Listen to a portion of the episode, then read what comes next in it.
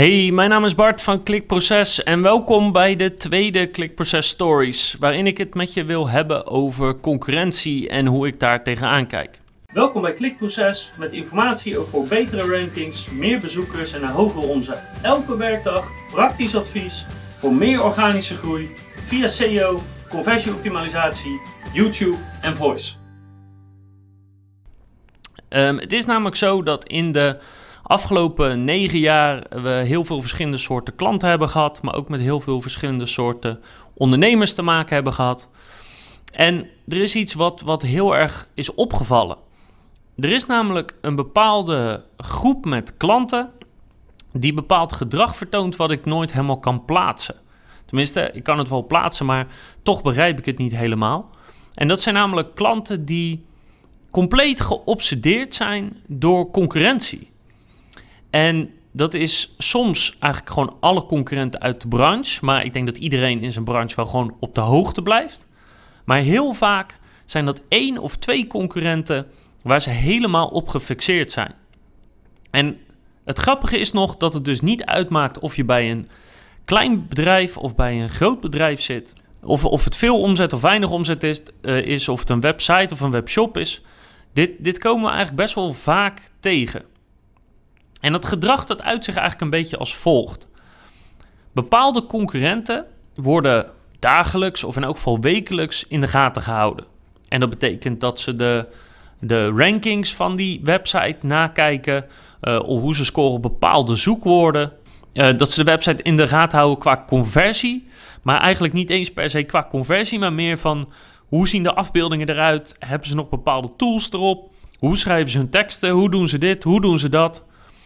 En niet alleen zijn ze daar heel druk mee bezig, maar eigenlijk hun hele bedrijfsstrategie wordt daarop aangepast. En ik heb dat nooit zo begrepen. Ik heb nooit begrepen waarom bedrijven zo druk zijn met hun concurrenten. Het eerste punt is dat het zoveel tijd kost. Het kost echt zoveel tijd en energie om je concurrenten bij te houden en na te gaan. En zeker te weten dat je niks mist. En dan word je panisch dat je weer wel iets mist. Dus het eerste is dat het gewoon heel veel tijd kost. Het tweede is dat er in die, uh, in die tijd eigenlijk niet echt een ROI zit. Want bijna nooit heb je er echt iets aan. Hè? Het is voor je gevoel uh, scheelt het. Want je denkt, nou, hè, ze doen niet, ik mis niks of ze doen niet iets wat ik misschien vergeet. Maar tegelijkertijd komen er niet echt acties uit die tijd. Dus die tijd is een soort verloren. Als er wel acties uitkomen, dan zijn die acties eigenlijk altijd zo'n beetje als volgt die concurrent doet dit, of die groep met concurrenten doen dit, dus wij moeten het ook doen. Zonder daarbij na te denken over, over winst, over omzet, over klanten, over doelgroep. Zij hebben deze tool op de website, dus wij moeten die ook. Zij staan hoog op dit zoekwoord en ik weet zeker dat ze daar veel geld aan verdienen, dus wij moeten erboven staan.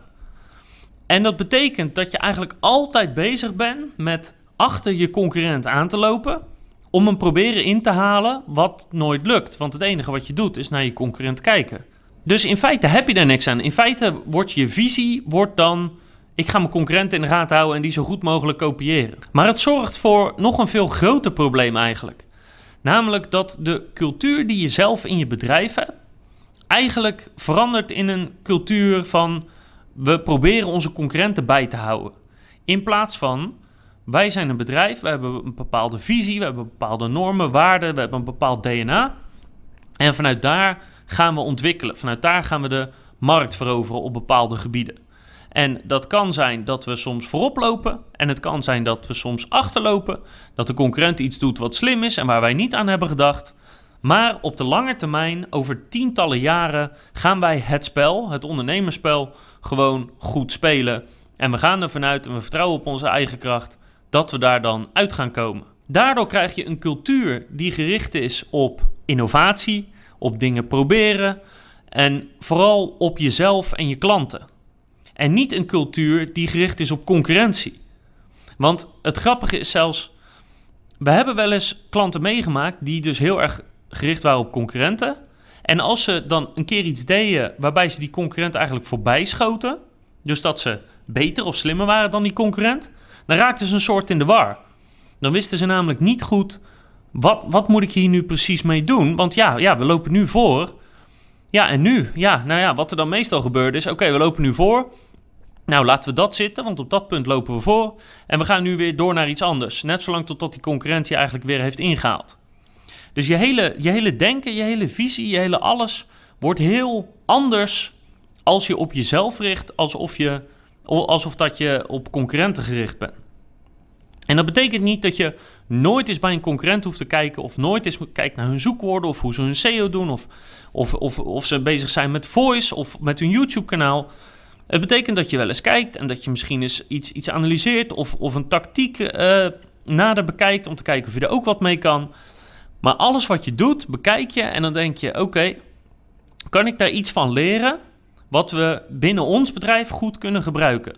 Maar niet omdat het die concurrent is, maar omdat de tactiek of het proces of de manier van werken die ze hebben gewoon best wel slim is en dat past wel bij ons. En dat is zo'n mega verschil.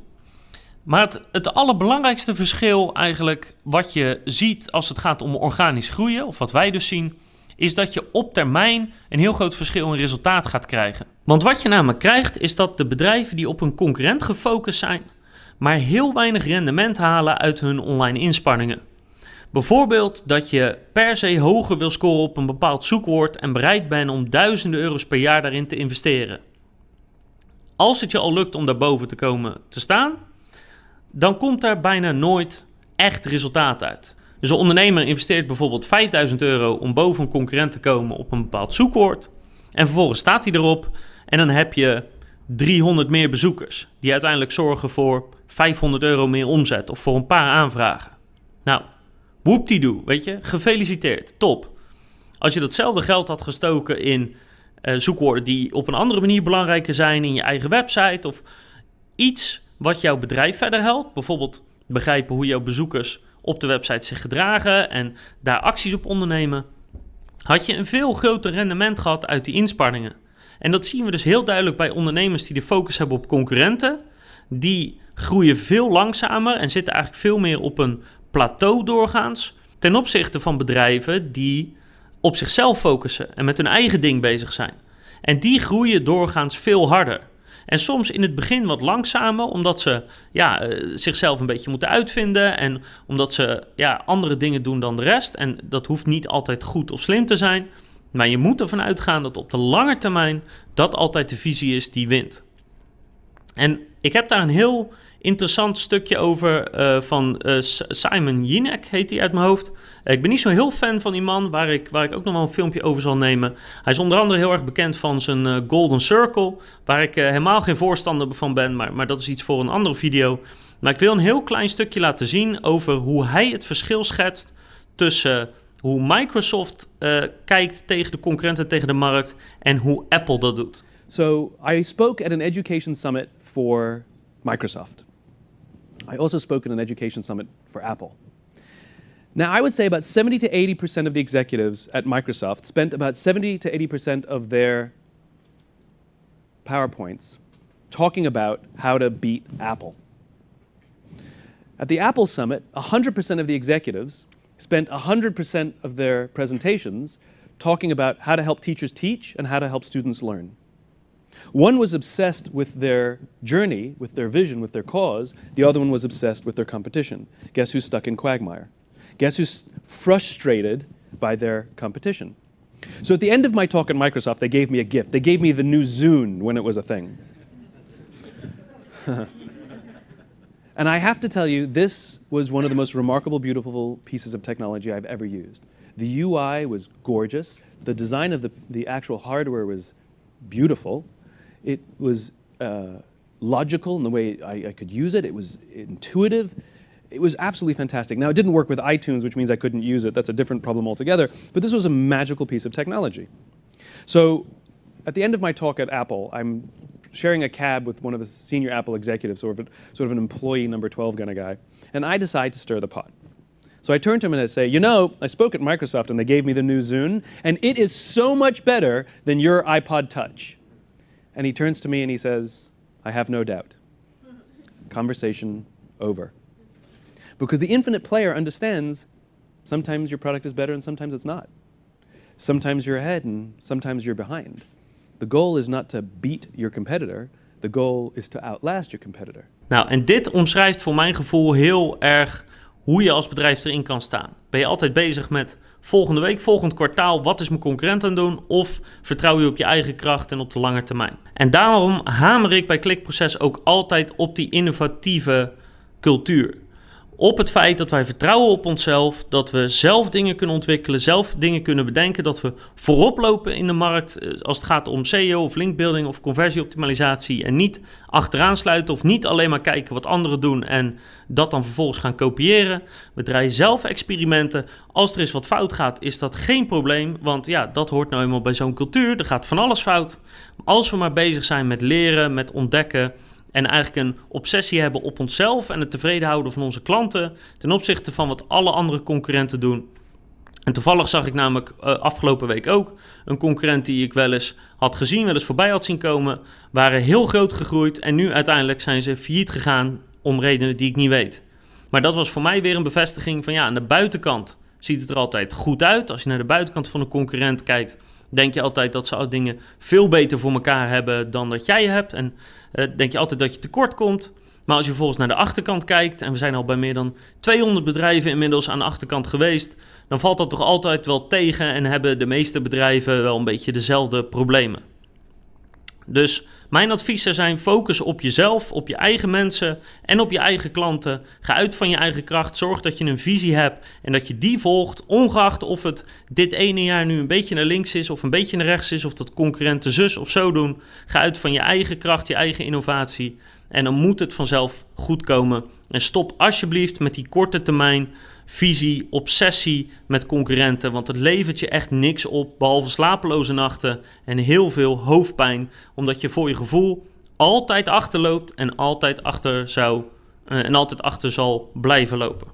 Ik zou zeggen, succes met jezelf, met je eigen medewerkers, met je eigen klanten. En ik zie je graag de volgende keer weer terug met nog een klikproces story of nog veel meer advies over SEO, conversieoptimalisatie, YouTube en voice.